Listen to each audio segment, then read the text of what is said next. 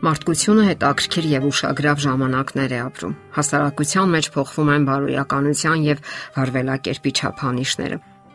Այն ախտանշանները, որոնք պատկանում են հոգեբանության բնագավառին եւ հոգեկան հիվանդություններին, այսօր ընդունվում են որպես ժամանակակից եւ բնականon։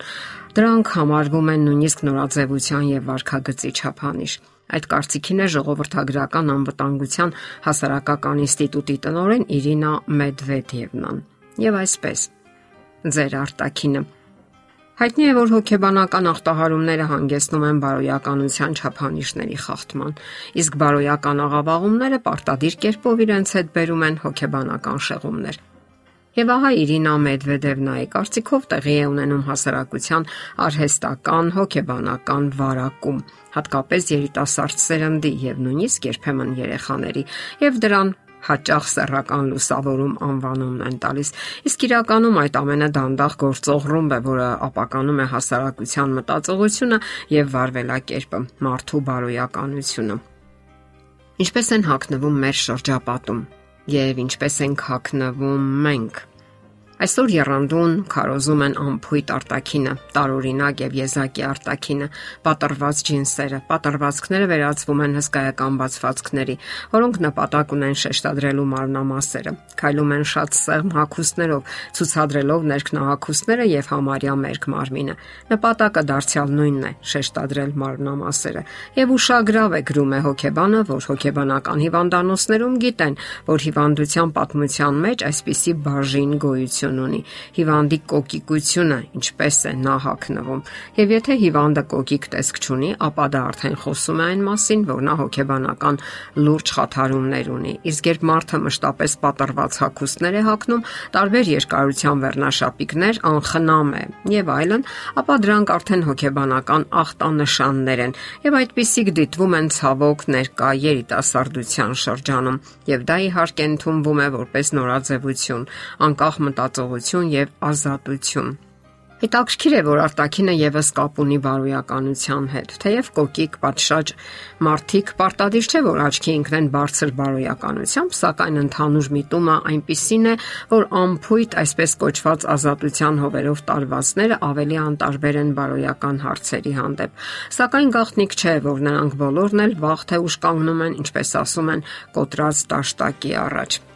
Հոգեբանական խանգարվածության եւս մեկ նշան են հերոստատեսային հերոսները, այսպես կոչված գերհերոսները։ Նրանք սարսափելի ուժեղ են եւ իրեն ճանապարից սրբում տանում են ամեն ինչ, սպանում են առանց աչք թարթելու։ Նշենք, որ այդ երևույթը հոգեբանության մեջ կոչվում է հիպոիդային շիզոֆրենիա Այդ երևույթի մեջ համակցվում են պատանեկան ախտաբանական դաժանությունը, սրտի կարծրացումն ու բթացումը, երբ զգացմունքները համարյա բացակայում են։ Իսկ ահա մարդիկ փորձում են նմանակել նրանց։ Եվ ոչ միայն երեխաները, անգամ մեծահասակները, նրանք դառնում են գրգռված ու ագրեսիվ իրենց պահվածքով ու արտակինով, հատկապես եթե չեն կարողանում իրենց դրսևորել այս կյանքում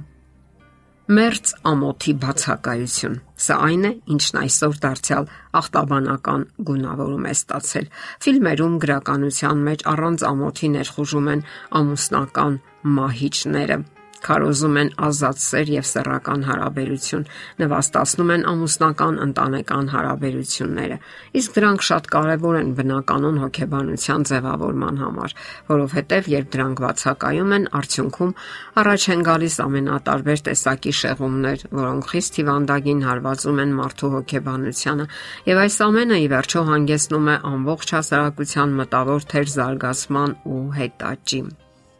Իսկ ինչպես կարելի է ի վերջո պահպանել զգուշության կանոնները եւ քայլել անվտանգ ուղիով։ Դավիթ Թագավորը այսպես է գրում. ավելի խելացի եղա քան թե ծերերը, որովհետեւ քո պատվիրանները պահում եմ ամեն չար ճանապարից իմ ոտքերը հետ եմ քաշում, որ քո խոսքը պահեմ։ Եվ սա կարող է օրինակ լինել ժամանակակից մարդու համար, որpիսի նա որքան հնարավոր է թաքնվի ամենահուսալի փորձագետի, այսինքն Աստծո թիկունքում, ում հայտնի են բոլոր վտանգավոր ճանապարհները,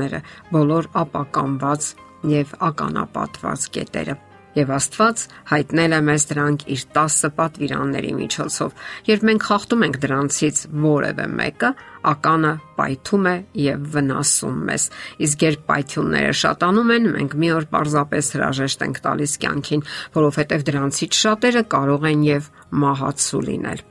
Եթե Աստված իրեն համարում է մեր ընկերը եւ առաջարկում անվտանգ ուղի այս կյանքի համար, ապա արդյոք ավելի խելամիտ չի լինի հետևել նրա ցուցումներին, որpիսի չվիրավորվենք եւ մահացու վերքեր չստանանք։ Աստված չի ցանկանում տեսնել, թե ինչպես է կործանվում մեր կյանքը, եւ նա այս կյանքի համար նախատեսել է ուղեցույցները, 10 պատվիրանները, որոնցից յուրաքանչյուրը գործում է որոշակի ոլորտում եւ յուրովի պահպանում մեզ կյանքի որոշակի ոլորտներում։ Իսկ այդ ուղեցույց Քրիստոսի հիմնակարն ու էությունը սերն է։ Քրիստոսը, ով բարության եւ զոհաբերական սիրո օրինակն է մարդկության համար, այսպիսի խոսքեր ասաց. Եթե ինձ սիրում եք, պահեք իմ պատվիրանները։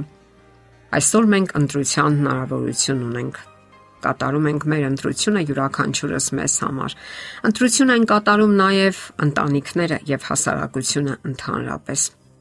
Եվ մեզանից յուրաքանչյուրն էլ կրում է այդ ընտրության հետևանքները։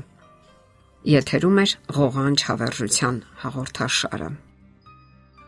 Հարցերի եւ առաջարկությունների համար զանգահարել 033 87 87 87 հեռախոսահամարով։